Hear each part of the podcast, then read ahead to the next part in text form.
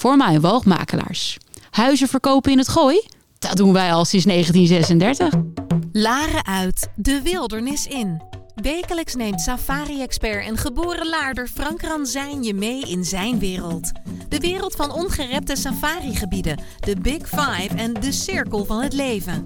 Eten of gegeten worden. Een wereld vol safari-geheimen die hij met jou als luisteraar ontrafelt. Van de mooiste plekken om op safari te gaan tot de regels van de bush. Samen met prominente gasten uit de natuur- en conservationwereld neemt Frank je mee, Laren uit, de wildernis in.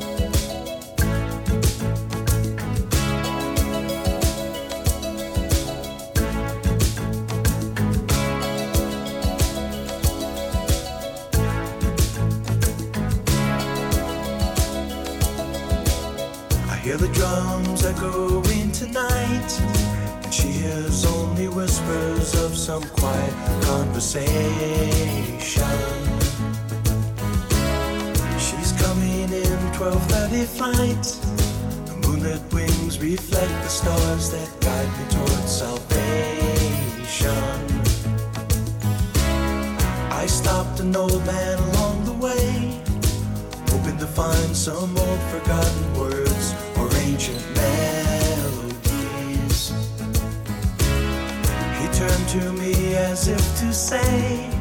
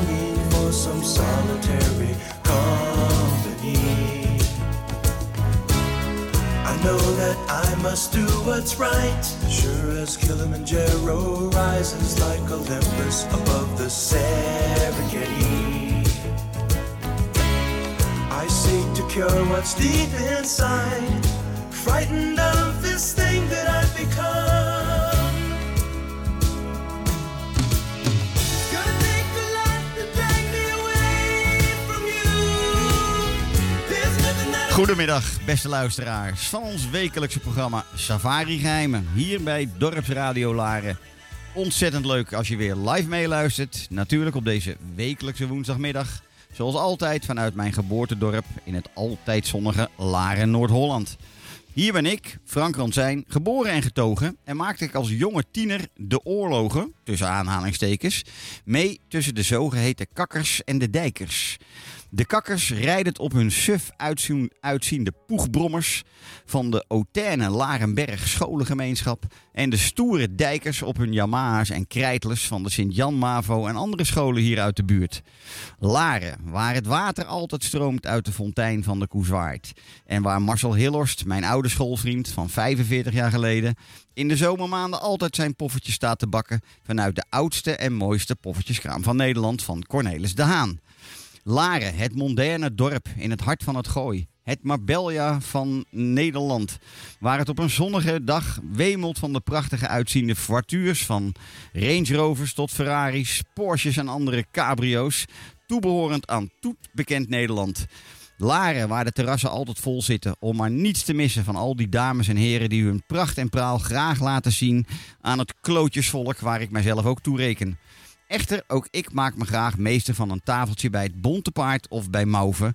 Om zo mijn gasten in het programma Safari Geheimen onder het genot van een wijntje of een biertje voor te bereiden op een uurtje babbelen over de ruige natuur van Afrika of India. Nou goed, ik dacht, Een beetje village marketing kan geen kwaad vandaag. Dus vandaar even een korte intro over Laren.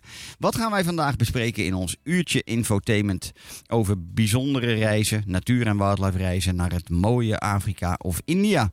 Zoals ik altijd zeg, laten we eerst de lanen eens uitgaan en de wildernis intrekken. Trek nog een lekker flesje wijn open, doe je ogen even dicht. Laat je gewoon inspireren tijdens dit uurtje storytelling. En wie weet inspireer ik je voldoende om ook eens een prachtige safari-reis te gaan plannen. Uiteindelijk zijn het deze reizen waarbij jij als reiziger iets terug kunt doen en onze natuur mede in stand kunt houden. Dat dit natuurlijk ten alle tijden gepaard gaat met ultiem genieten en het in vervulling laten gaan van al jouw wensen die horen bij het maken van een mooie vakantiereis, staat natuurlijk buiten kijf.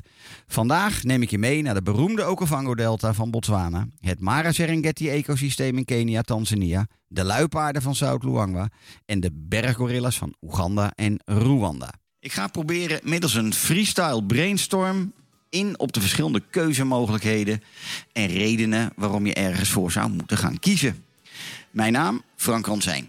Ik ben oprichter van Safari Secrets, een kleinschalig boutique reisspecialist op het gebied van Nature Conservation Travel, oftewel in het Nederlands natuur- en wildlife reizen naar Afrika en India, met een focus op duurzaam eh, en reizen waarbij jij ehm, direct een positieve impact achterlaat op de bestemming. En daar komen we zo nog wel even op terug. Ehm, dus tijdens een reis met Safari Secrets laat je direct een positieve impact achter op de bestemming. Maar hoe doe je dit dan? Vragen veel klanten zich af. Nou, dat klinkt eigenlijk veel moeilijker dan het is. Het gaat en draait tegenwoordig allemaal om teruggeven aan de natuur en haar lokale bewoners. Dat noemen we ook wel het zogenaamde giving back princ- principe. Dit betreft natuurlijk de dieren die hier leven, maar tevens, en o zo belangrijk, de lokale bevolking. Die vaak voor een heel groot deel afhankelijk is van duurzaam toerisme. ehm, door middel van de banen die eh, daarmee gecreëerd worden. En de inkomstenstromen die toeristen, leesgasten, nu eenmaal meebrengen. En dit zorgt voor inkomen en dus veelal voor een leefomstandigheid waarbij de bewoner- bewoners minder of niet of minder gedwongen worden op zoek te gaan naar voedsel in die fragiele wildlife gebieden. Denk hierbij dan weer aan, nou ja, als er geen banen zijn en geen inkomen is en dus ook geen ehm, eten is, dan gaan mensen al snel niet anders kunnen doen dan eh, stropen, handelen in bushmeat, ehm, brandhout verzamelen uit de bush, wat in de meeste, op de meeste plekken niet zomaar mag. Want ja, er zal toch gewoon gegeten moeten worden.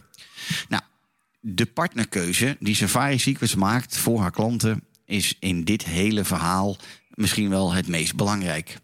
Zo werk ik voor 80% of meer met de zogenaamde private owned en soms ook private managed safari operators en lodges. Wat zijn dit dan? Nou, dit zijn uiteindelijk plekken waar eh, de privé-eigenaren van het grondgebied, hè, vaak privé-natuurgebieden, ehm, met hart en ziel leven voor het natuurgebied waarin zij wonen. En de schoonheid daarvan willen delen met hun gasten. En dit alles uiteindelijk om dat maar in stand te kunnen houden voor de toekomst. Zij hebben veelal enorme lange relatieverbanden opgebouwd met de bewoners van deze gebieden. Ehm, met, soms met eh, ehm, ja, nou zeer eh, eeuwenoude, eeuwenoude eh, stammen die in bepaalde delen van Afrika nog leven. En samen met die ehm, bevolkingsgroepen of stammen ehm, wordt er ontzettend intensief samengewerkt om die natuur te behouden en om de lokale bewoners ook bewust te maken dat het heel belangrijk is om dat te behouden. Tegenwoordig vloeit er steeds meer geld direct terug in het natuurbehoud en wildlifebehoud van de gebieden waarover wij spreken. Eh, of waarin zij zich begeven. Eh, en, en, gaat er ook steeds meer geld naar conservation projecten, natuurbehoudsprojecten, die dit gebied in stand houden. Nou, dit is het zogenaamde regeneratieve reizen. Dat wordt steeds belangrijker in het behouden van natuur en wildlife voor onze toekomstige generaties.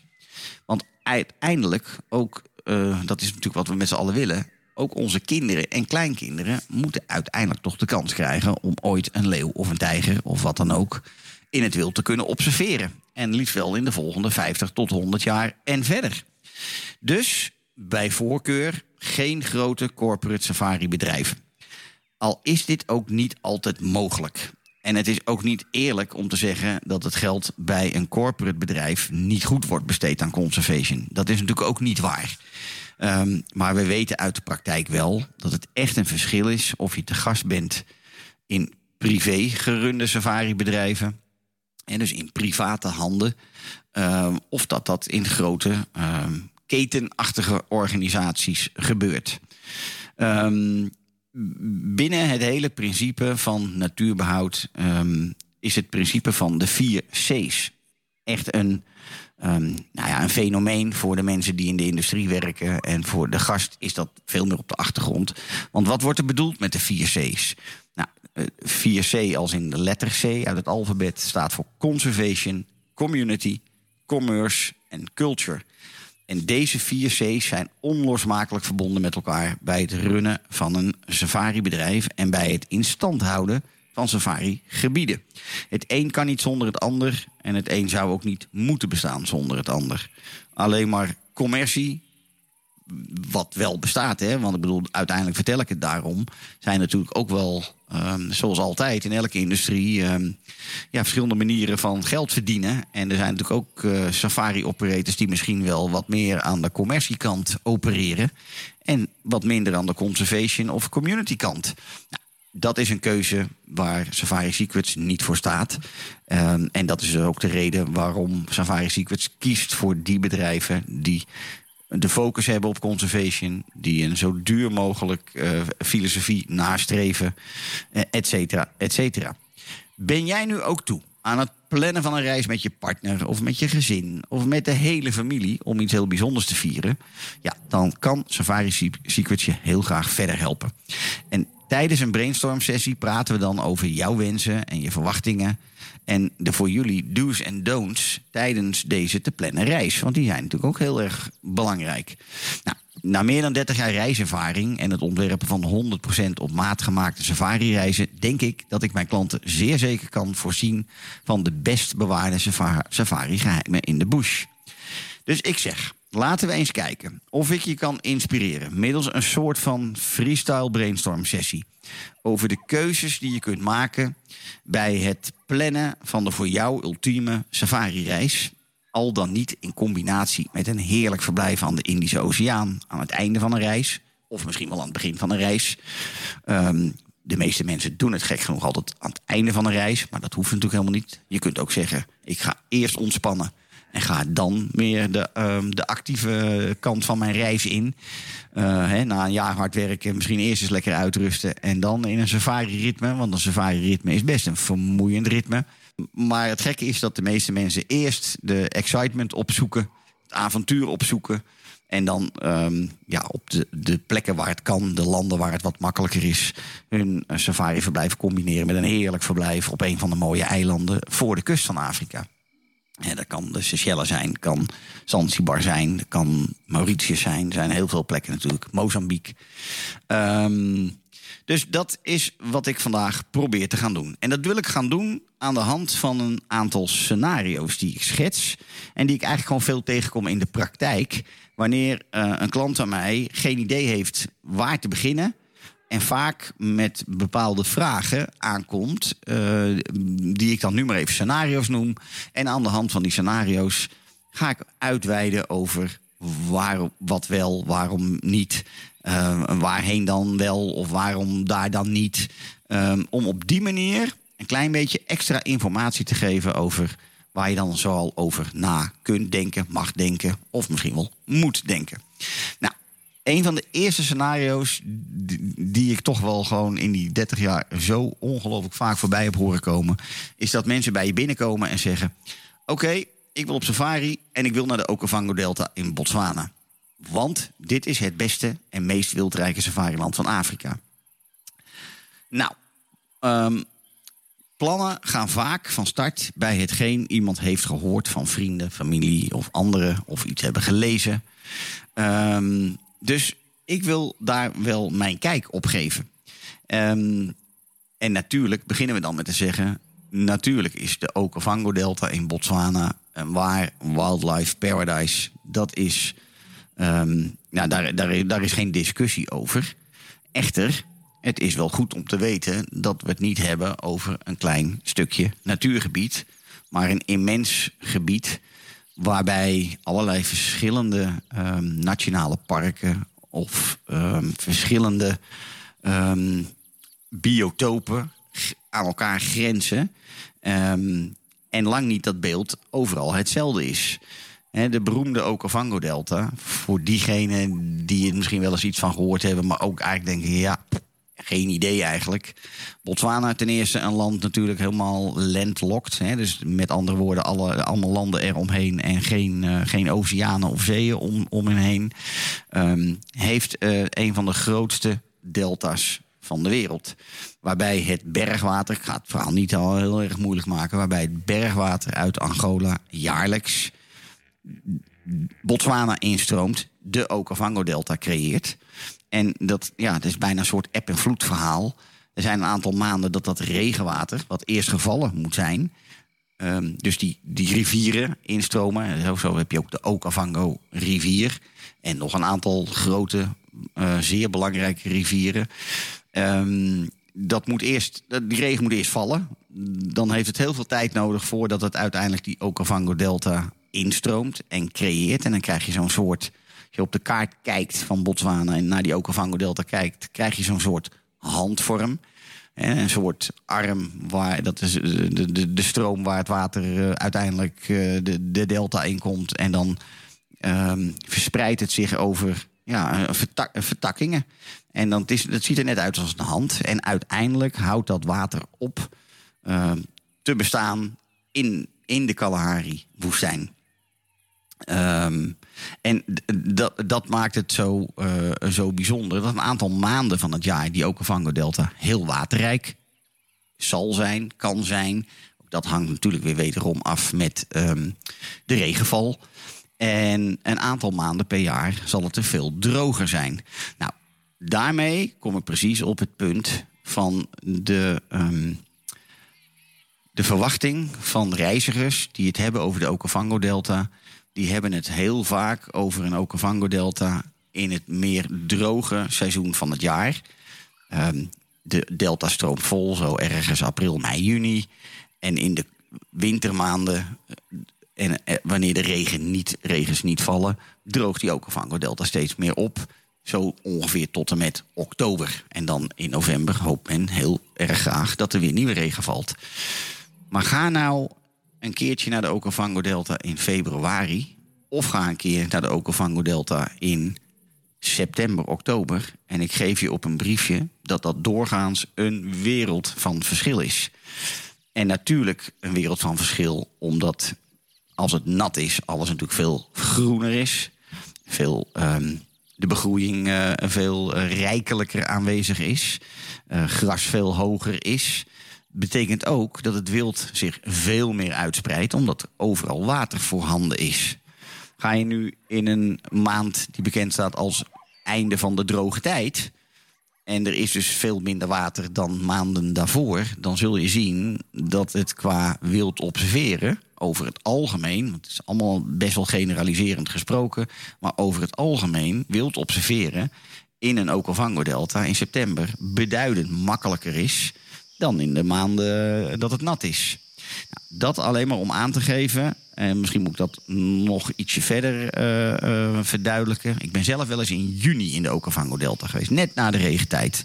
Delta vol water, of die is aan het vollopen met water. Ehm, ik heb wel eens een Botswana-reis meegemaakt... die helemaal niet dat wildlife paradise op aarde was... zoals men altijd zegt dat het is. En dat het ontzettend veel zoeken was om überhaupt... wat mooie, bijzondere ehm, bucketlist dieren van je lijstje af te kunnen tikken. Nou, nou draait het daar natuurlijk ook niet alleen om. Maar laten we eerlijk zijn, de meeste mensen... en zeker als je voor het eerst of voor een tweede keer naar Afrika gaat... dan is dat vaak wel een focus. Ehm, dus ik heb wel eens een Botswana-trip gedaan... waarbij ik aan het eind van de rit dacht van... Hmm, ik weet niet of ik het nog steeds paradise op aarde noem. En ik heb wel eens in, de, in een periode september-oktober gereisd. En heb daar de meest waanzinnige wildlife momenten mee mogen maken. Waardoor het inderdaad echt wel ehm, het beste en het meest wildrijke safariland van Afrika kan zijn. Nou, dat heel even met betrekking tot het is niet per definitie altijd het beste.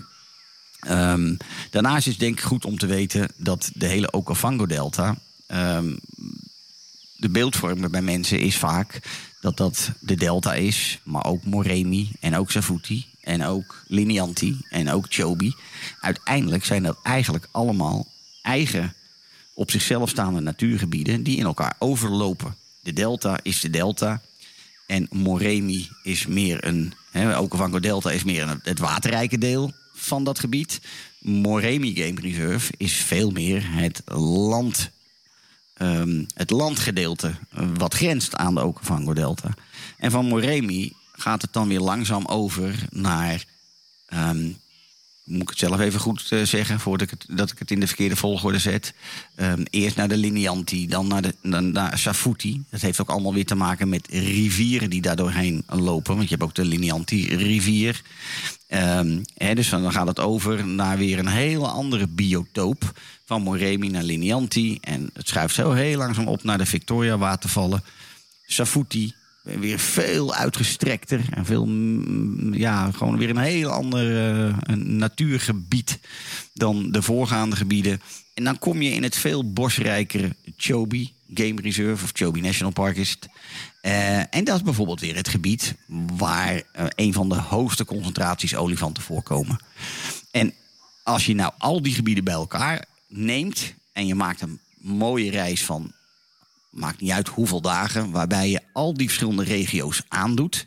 En dit is dan eigenlijk ook nog maar de meest beroemde favoriete route die men dan doet. Hè, aan de zuidkant van de Okavango erin. En dan door al deze gebieden verplaatsen uiteindelijk naar het drielandenpunt van de Victoria watervallen. Ehm, dan denk ik dat je aan het eind van de rit ongetwijfeld en alles gezien hebt wat je wil zien. Beetje weer afhankelijk van het jaargetij hoor. Want in juni toen ik er was, toen heb ik heel veel dingen echt niet gezien. Omdat het gewoon compleet verspreid was en gewoon niet te vinden was. Maar normalerwijs de optelsom van zal er hoogstwaarschijnlijk voor zorgen dat jij nog steeds met een waanzinnig gevoel terugkomt van jouw safari-reis naar Botswana. Dan is er een ander punt wat ik absoluut moet benoemen tot slot van het eh Okavango-stukje. Ehm, er is een ehm, deel openbaar nationaal park en er is een groot deel privé-concessies. De openbare nationale parken, daar kun je ook bijvoorbeeld gewoon met een eigen huurauto doorheen rijden. Eh, en kun je, kun je eh, verblijven op eh, publieke campsites, maar kun je ook op privé campsites verblijven met bepaalde safari-organisaties die een kampement opzetten en die hun eigen staf en eigen gids meenemen. Ehm, maar een safari in, een, in het openbare nationale park is echt wel anders dan in een privéconcessie. In het openbare, openbare nationale park, ook maar weer om het een beetje simpel en easy te houden. Ehm, daar mag je alleen maar op safari tussen zonsopkomst en zonsondergang. En daar zijn bijvoorbeeld geen avondsafaris nodig. Of eh, mogelijk. Ga je nou naar de privéconcessies, dat zijn speciaal daarvoor ehm, opzij gezette gebieden waar bepaalde safari-clubs opereren. Daar geldt een. ehm, daar mag je niet zomaar met een huurauto inrijden. Daar rijden alleen maar de open Land Rovers van de safari-operators die in die concessie een, een, ehm, ja, een bepaalde lease eh, uiteindelijk hebben. En dat zijn vaak hele langlopende leases hoor, van 20, 30 jaar dat zij in dat gebied mogen opereren. Maar dan is het gereguleerd. Heel erg gereguleerd aan hoeveel bedden er in die concessie mogen zijn. Maar ook heel erg gereguleerd dus in hoeveel voertuigen er in die concessie mogen zijn. Dus wil jij nou naar de Okavango-delta of een van de naburige safariparken... maar wil jij niet dat er ook nog andere voertuigen om je heen rijden... Ja, dan is er uiteindelijk Ah, ook dat gaat niet helemaal op. Maar dan is misschien wel de belangrijkste keuze om te verblijven in een privéconcessie. Ja, dan zul je misschien zeggen, maar zit daar misschien ook een prijsverschil in? Ja, dat zit er zeker. Eh, ook weer niet altijd, maar over het algemeen kun je het zo wel zeggen. Hoe exclusiever je verblijft, dus met hoeveel minder mensen je in een bepaald safarigebied verblijft, hoe kleinschaliger vaak de sa- safari-kampen zijn en hoe kostbaarder de nachttarieven zijn. Ehm, ik denk dat het goed is om het voor nu heel even bij dit scenario van de Okavango Delta te houden. Ik geef je hopelijk mee waarover je allemaal zou moeten nadenken. Over die verschillende gebieden. Wel niet nationaal park of privéconcessie. En het seizoen. Ik denk dat het heel belangrijk is om dat mee te nemen.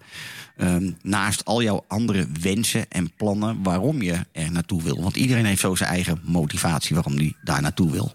Goed, het is tijd voor een mooi liedje. En we hebben gekozen voor Tabita met een mooi Afrikaans liedje.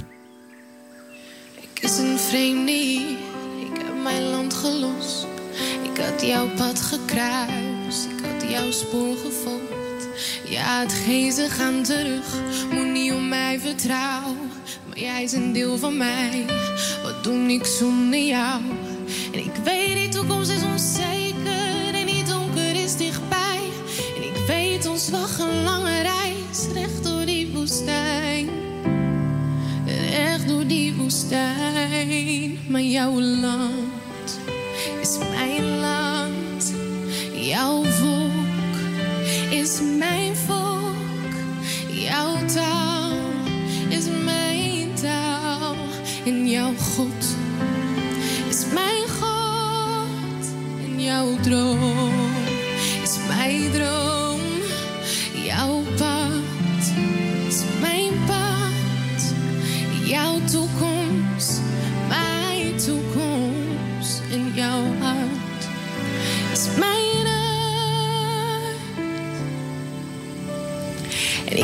jouw volk is bang voor ons wat anders is.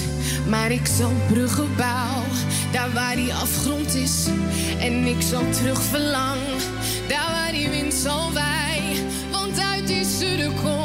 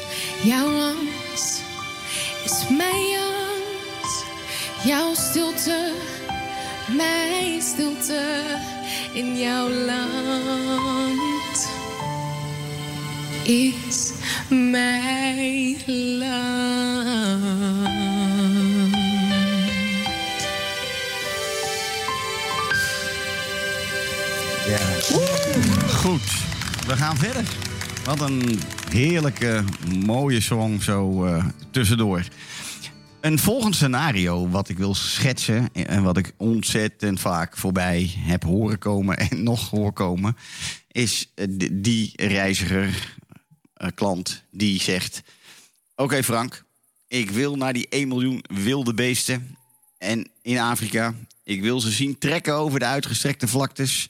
En nog veel liever, ik wil eigenlijk ook zien dat ze oversteken bij een rivier.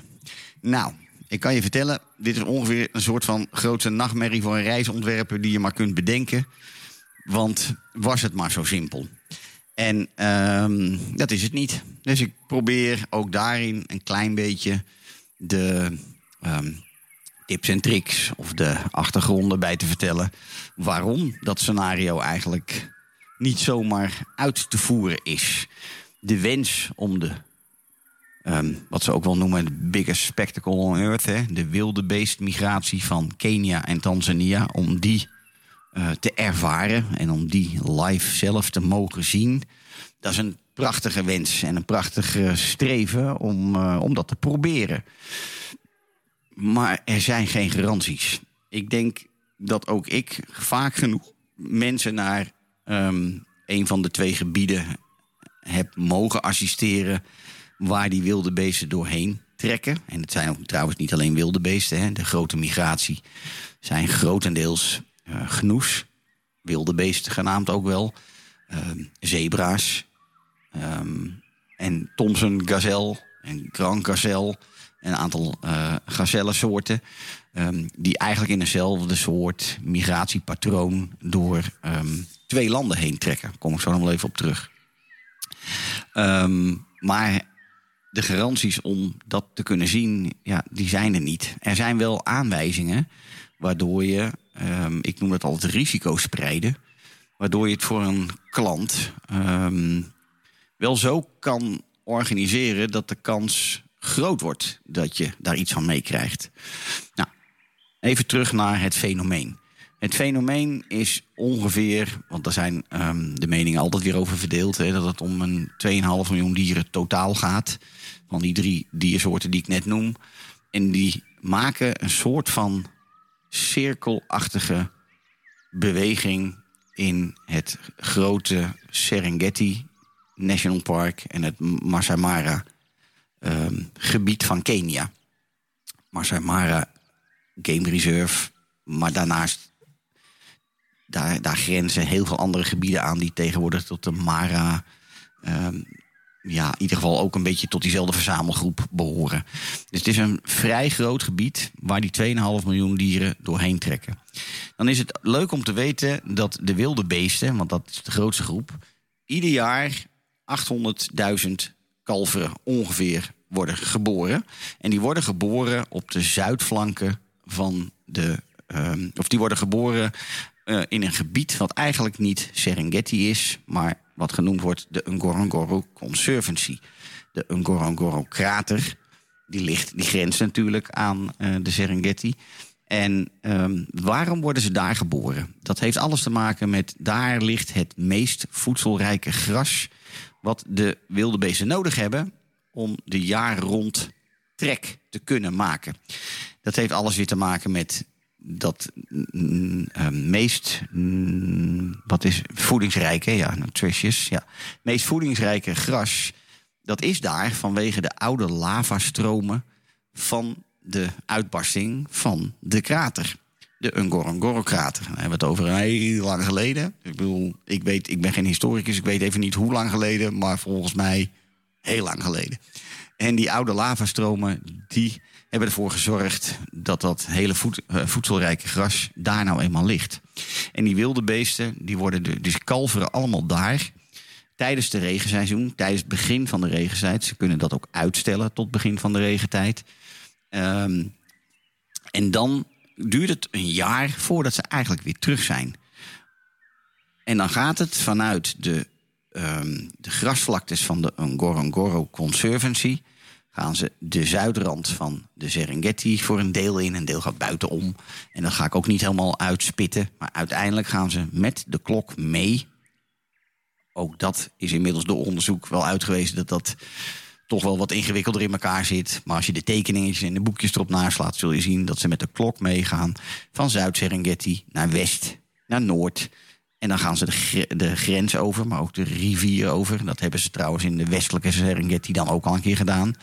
Daar gaan ze de Grumeti-rivier over. Een hele beroemd fenomeen ook. Waar veel films over gemaakt zijn. En waar mensen zeggen, ja, dat wil ik ook zien. Net zo moeilijk, kom ik zo nog op. En dan gaan ze ehm, een stukje niemandsland in. En dan komen, gaan ze ook door een deel groot privégebied. En dan keren ze uiteindelijk, of gaan ze de grens over met Kenia. En de Serengeti en de Masai Mara zitten aan elkaar vast. De Masai Mara is denk ik ongeveer vijf keer zo klein als de Serengeti. Of vier keer zo klein. En in de Mara, ehm, dan moeten ze ten eerste ook weer rivieren over.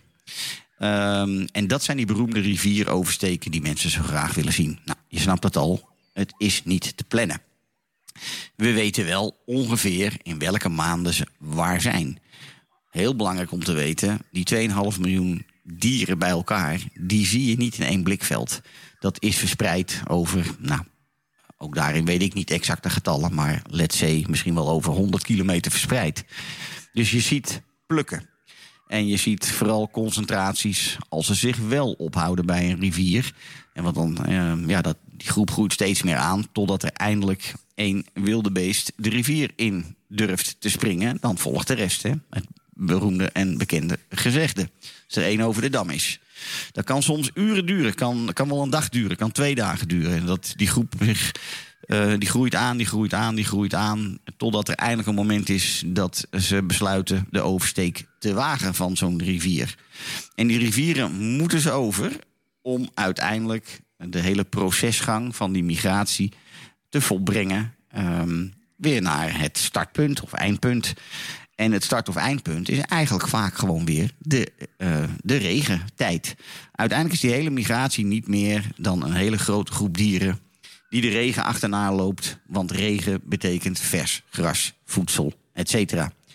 En ehm, uiteindelijk, nadat ze in Kenia zijn geweest, keren ze ergens in oktober, november. Ook dat is allemaal niet helemaal te voorspellen. Eh, tegenwoordig al helemaal niet door de klimaatveranderingen en de regens die gewoon niet meer vallen op de momenten dat je dat zou verwachten of dat je dat hoopt. Eh, maar ergens medio oktober, november keren ze weer de noordpunt van de Serengeti in. En ehm, gaan ze aan de oostflank, grotendeels aan de oostflank, weer helemaal door de Serengeti heen. Naar Zuid, Centraal Serengeti, naar Zuid Serengeti. En dan keren ze uiteindelijk weer terug op de vlaktes van de Ngorongoro Conservancy. Nou, die, die, die rivieroversteekmomenten, die willen mensen vangen. Maar daar zitten een paar ehm, eh, moeilijkheden aan. Ehm, de westkant, dat gebeurt ergens in de periode mei, juni. Maar dat kan ook wel een keer juli zijn. Ehm, en mei, juni kan het ook nog wel eens regenen. Dus het is, ook, het is gewoon vaak niet de meest populaire reistijd. Zeker, er is ook wat minder druk. Dat is het voordeel daarvan. Maar je, ja, je kunt er gewoon niet van op aan. Van ik heb nu een meivakantie. Ik ga naar de Serengeti. En we gaan naar de westelijke Serengeti. Want daar gaan we wel eens even die wildebeestmigratie en een oversteek van de rivier zien. Het is niet te garanderen. Het is een keiharde gok. Het is niet anders als naar het casino gaan of ehm, in eh, de voetbaluitslagen voorspellen. Ehm, dus met betrekking tot het risicospreiden waar ik het net over had. Wat je kunt doen in bepaalde delen van het jaar... is meerdere regio's van de Serengeti bezoeken. Ik heb dat zelf ook een keer gedaan. Ehm, en toen ben ik, ehm, ik dacht in een dag of zeven, acht... van de krater naar Zuid-Serengeti, Centraal Serengeti... helemaal in het noordpunt van de Serengeti en weer terug geweest... En ja, wij hebben toen ook wel degelijk ehm, iets van de migratie mogen ervaren. Ik heb geen oversteek in die, in die trip eh, meegemaakt en gezien. Maar we hebben wel grote, lange, slierte wilde beesten gezien... die zich aan het verplaatsen waren. Ehm, op dat moment was het eind november, begin december. Hè, dus ook weer eigenlijk de eh, periode van de korte regens. Ehm, fantastische week in de Serengeti. Want mm, is even een sidestep. Ehm, tijdens de, de week dat wij er waren en het bijna iedere dag regende, ehm, was het eindresultaat dat aan het eind van die week de meeste leeuwen die ik ooit in al mijn 30 jaar reizen Afrika heb gezien, was in die week. En dat had gewoon met het weerbeeld te maken. Best wel eh, nog een redelijke popula- leeuwenpopulatie in de Serengeti. En als het heeft geregend en even later schijnt het zonnetje weer... dan zie je al die leeuwen tevoorschijn komen. Die gaan allemaal op die prachtige rotsformaties liggen... om te zonnen en om warm te worden. Ehm, ze zijn actief omdat, ze koud eh, omdat het koud, kouder is. Dus het, om maar weer aan te geven... je kunt ook met een hele andere reden proberen eh, zo'n zo'n gebied te bezoeken. In plaats van alleen maar te focussen op die migratie. Twee weken geleden zag ik weer een foto voorbij komen. eh, en ook eigenlijk een, eh, een opiniestuk wat daaronder stond. Dat was dus bij een oversteek van de rivier. En dat, dat, dat ging geloof ik om, eh, nou, verwacht iets van rond de 100.000 dieren die bij die rivier over, over gingen steken. Daar stonden opgelijnd aan die rivier ehm, meer dan 100 voertuigen. En het is niet alleen maar het opgeleid staan van die voertuigen. Het geeft daarmee, het geeft herrie.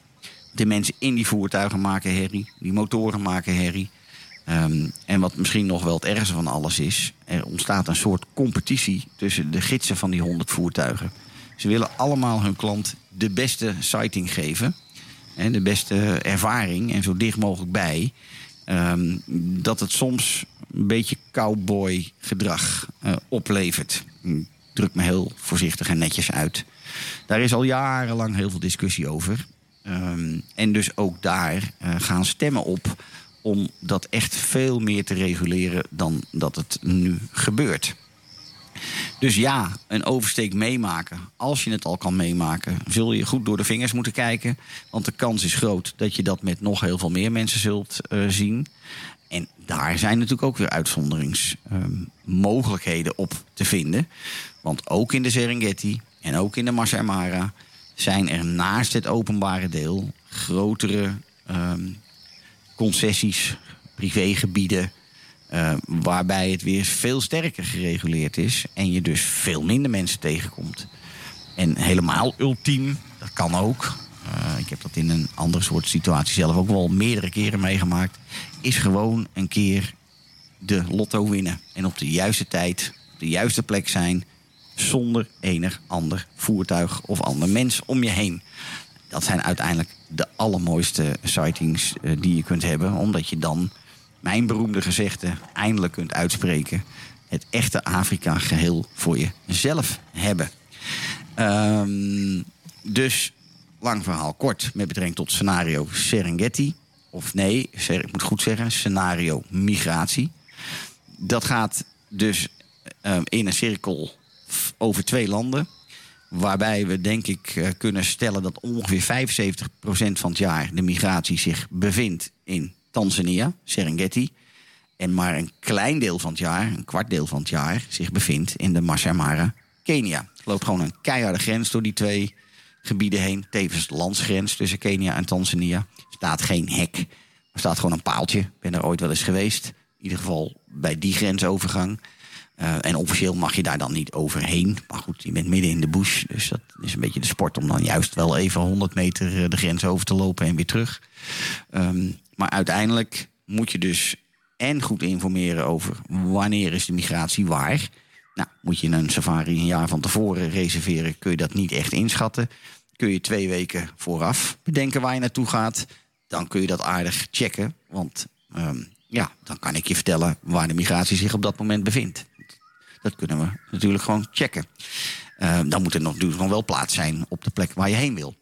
Ehm, dus drukte, heel erg van belang. Ga naar ehm, de Masai Mara in juli, augustus, zomervakantieweken. Dan kunnen dus die foto's voorkomen die ik je net schetst, schetste. Met heel veel voertuigen om je heen. Als er een groep leeuwen wordt gevonden of een cheetah wordt gevonden.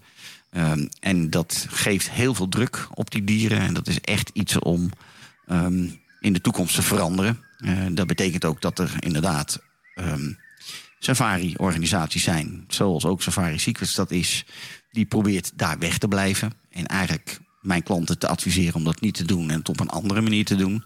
Ehm, ga, ehm, ga in de regentijd, dan zal het er vele malen stiller zijn. Maar zul je de migratie op een hele andere manier gaan meemaken. En zul je niet misschien die beroemde oversteken meemaken. Ehm, en dat maar weer om aan te geven dat er veel is om over na te denken. En veel keuzes zijn met veel consequenties. Als je ehm, uitspreekt, ik wil naar de migratie en liefst ook nog een oversteek. Dat was heel even mijn, eh, nou ja, mijn idee over scenario migratie. Dan doen we eh, er eentje eh, bij voordat we nog een eh, mooie song doen. En dat is hoog op het verlanglijstje staat bij veel mensen. Ik wil een luipaard zien. Waar moet ik heen? Ook zo'n mooie vraag. Nou, die ga ik wat makkelijker maken en ook wat korter maken. Waarom? Omdat luipaarden het meest, de meest aangepaste katachtige soort is die er wereldwijd leeft. Van de grote carnivoren. En we horen hem al op de achtergrond. Prachtig mannetjes luipaard die ik hoor. Eh, Ze kunnen ook enorm een zagend geluid maken. Maar die hebben we denk ik niet zo snel bij de hand. Ehm, maar die luipaarden leven eigenlijk overal waar je maar kunt bedenken in Afrika. Eh, zelfs in gebieden waarvan je denkt, nou, dat zijn toch geen zware gebieden, daar komen geen luipaarden voor. Jawel hoor, daar komen ze zeker voor. Niet overal, maar op heel veel plekken. Alleen, dat zijn vaak plekken die misschien ook wat eh, dichter bevolkt zijn en menselijke activiteit, waardoor je ze daar niet zomaar gaat zien. Maar die plekken zijn er wel degelijk. Maar goed, ga nou eens kijken naar de plekken waar we de meeste kans maken op het zien van een luipaard. Nou, ik geef je eigenlijk twee plekken. Valley of the Leopards in Zambia, Zuid-Luangwa. Ehm, een van de bekendste parken van Zambia, waar het eh, zien of de kans op het zien van een luipaard echt wel redelijk groot is. In ieder geval in de droge periode. Ehm, Zambia is een seizoensgebonden safariland, dus veelal zijn de parken open ergens medio mei tot medio half november. Daar zijn allemaal uitzonderingen op, maar dat zijn wel, eh, dat is wel de grootste periode. En ga, ga, ga naar Zuid-Luangwa in- en, en Lower Zambezi ook trouwens. Ga in die periode juli tot en met oktober. Nou, de kans dat je terugkomt en er misschien wel eh, meer dan één hebt gezien... en dat kan wel oplopen naar tien, eh, is groot. Een tweede plek waarbij eh, als je dat echt voor ogen hebt, waar je aan moet denken, is, zijn de beroemde privé safari-lotjes van eh, Zuid-Afrika in ehm, de regio Kruger. Kruger National Park, gigantisch groot park.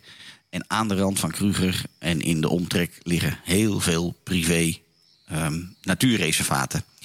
Vaak zonder hekken, dus die zijn allemaal weer met elkaar verbonden, waardoor het wild compleet vrij kan migreren.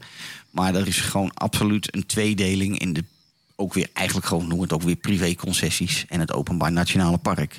Nou, Sabi Sens is dan weer een groot gebied van eh, grenzend aan het Kruger National Park met heel veel verschillende kleinere concessies met heel veel verschillende safari operators. Maar in die private concessies daar is het, eh, eh, de kans op het zien van luipaarden eigenlijk best wel groot. Nou, nogmaals, luipaarden kun je eigenlijk overal wel vinden. Ehm, maar goed, het is altijd een diersoort waar je nog steeds veel geluk voor moet hebben. Ehm, dus het is ook daar weer geen zekerheidje. Maar kan je zeker wel helpen om de plekken te vinden waar de kans het groot is. Scenario wat ook vaak voorbij komt van mensen. Ehm, Frank, ik wil naar de gorillas, maar waar? Nou ja, ehm, dat is op zich in die zin niet zo moeilijk. Ehm, er zijn gewoon een aantal landen waar je gorillas kunt observeren. En een gorilla groep die is niet heel makkelijk te observeren. Dus we moeten daar alweer een onderscheid maken in ehm, Martine van Zeil. eh, Martine van Zeil Langhout heeft dat ook mooi in eh, een van onze uitzendingen ooit verteld. Eh, ze heeft jarenlang gewerkt in, in ehm, Gabon met ehm, eh, gorilla's. Er zijn ten eerste verschillende landen waar het kan. Er zijn verschillende gorilla-groepen, eh, soorten. De meest bekende zijn natuurlijk de berggorilla's. Waar ook de meeste films, denk ik, eh, over zijn gemaakt. Eh, De beroemde film met, ehm, van over Diane Fossey bijvoorbeeld. Ehm, maar de twee landen waar de berggorilla's natuurlijk het meest bekend zijn... is Oeganda en Rwanda. Ehm, maar dat is dus een ondersoort gorilla's... die eh, al jarenlang eh, door mensen wordt geobserveerd. ehm, door onderzoekers wordt geobserveerd. En daarmee gewoon gemaakt worden met ehm, het in contact komen... of in ieder geval het in, nabije, in de nabijheid hebben van toeristen. Dag in, dag uit. Dat noemen we de gehabitueerde gorilla's. Ehm, en die zijn hoofdzakelijk te bezoeken in Oeganda en Rwanda. Waarbij het goed is om te weten dat er en een minimumleeftijd geldt voor een bezoek aan de gorilla's. Dat je er maar een uur live bij bent. Dat het een redelijk fysieke aangelegenheid kan zijn, omdat het berggorilla's zijn. Dus je gaat echt berg op, berg af om eh, naar ze toe te komen. Soms zitten ze heel dichtbij en dan heb je het makkelijk. Soms zitten ze uur, uren lopen en dan heb je het heel zwaar. Eh, zo was mijn eh, trekking natuurlijk, maar dan nog waanzinnig. Ehm, en in, eh, tegenwoordig is het ook goed om te weten dat een gorilla-trekking in Rwanda beduidend kostbaar is dan Oeganda. En dat heeft alles te maken met dat Rwanda heeft gekozen, een aantal jaren geleden, om een zeer exclusieve toeristische bestemming te worden. Met bijna alleen maar hoogwaardig safari-toerisme. Dus een gorilla permit in Rwanda is 1500 euro, dollar, sorry. En in Oeganda 750 uit mijn hoofd. Maar goed, er zijn meer landen waar je naar gorillas kunt. Zo hebben we natuurlijk ook nog Congo, de Democratische Republiek Congo. Dat is waar mensen niet zo heel snel op dit moment naartoe gaan. En al tientallen jaren niet zo heel snel naartoe gaan. Maar er is ook nog het Franstalig Congo, Congo-Brazzaville. Daar hebben we het meteen over een andere soort gorilla. Dan hebben we het over de laaglandgorilla. Ziet die er anders uit dan? Ja, nou en of. Want ik zou bijna zeggen, google maar eens op een mountain gorilla en een, ehm, een lowland gorilla. Hè, een laagland gorilla. En dan zie je dat er ontzettend veel verschillen zijn. Uiteindelijk blijft het een van de meest bijzondere grote primaatsoorten die we hebben. Ehm, maar er zit echt wel verschil in. En ze leven vooral in een compleet ander ehm, natuurlijke omgeving. Eh, Congo-Brazzaville, absoluut een aanrader om, als je echt van primaten houdt en het echt eens op een iets andere manier wil doen en zien, dan wil ik je graag helpen bij een bezoek aan Congo-Brazzaville. Ehm, nou, dan zijn er ook nog, gor- natuurlijk zijn er eh, meer landen waar gorillas leven, zoals Centraal-Afrikaanse Republiek en Gabon. Ehm, maar het zijn niet per definitie landen waar, heel, eh, waar toerisme heel erg ontwikkeld is. Hè, je moet wel een echte avonturier zijn. En er zijn absoluut hoogwaardige safari-mogelijkheden. Gabon trouwens minder dan eh, bijvoorbeeld weer in Centraal-Afrikaanse Republiek. Maar dan hebben we het over incidentele, beroemde plekken... waar al jarenlang vaak eh, een organisatie gevestigd is die dat goed ontwikkeld heeft, die dat veilig ontwikkeld heeft, zodat daar prachtige natuurreizen naartoe te organiseren zijn. Dus wil je een keer naar de primaten en naar de gorillas, want er zijn natuurlijk ook nog chimpansees, weer een ander scenario, ehm, dan kan ik je zeker verder helpen. Wil jij nu ook eens brainstormen over een reis die heel hoog op je verlanglijstje staat? Nou, dan denk ik dat we eens moeten praten. En je kunt mij voor het maken van een vrijblijvend gesprek of een inspirational walk and talk in de natuur bereiken via ofwel het invullen van een contactformulier op de website www.safarisecrets.nl of stuur me gewoon een e-mailtje naar info@safarisecrets.nl. En natuurlijk kun je voor nog veel meer reisinspiratie ook alle andere afleveringen beluisteren via mijn podcastkanaal Mijn Afrika, Mijn Wildlife. En deze is natuurlijk te vinden op de grote streamers, eh, streamingsdiensten Spotify, Google en Apple Podcast. Nou, blijf me dan vooral volgen. Druk op die bekende volgknop, abonneerknop of hoe die ook heet. En nog veel leuker is als je er een mooie review zou kunnen en willen achterlaten. Al ehm, als podcast-host laat ik je kennis maken met zoveel mogelijk safari-geheim in de Afrikaanse of Indiase natuur. En in deze radio- en podcastshow ontmoet je de experts uit de verschillende safari-landen die straks jouw reis gaan uitvoeren op de bestemming. En je krijgt zo uit eerste hand de laatste en actuele tips en adviezen vanuit geheel Safari Afrika. Nou, tot zover. Er staan heel veel gasten gepland. Ik wens je een fijne avond. En eh, volgende week zijn we er weer. Tot ziens. Bedankt voor het luisteren.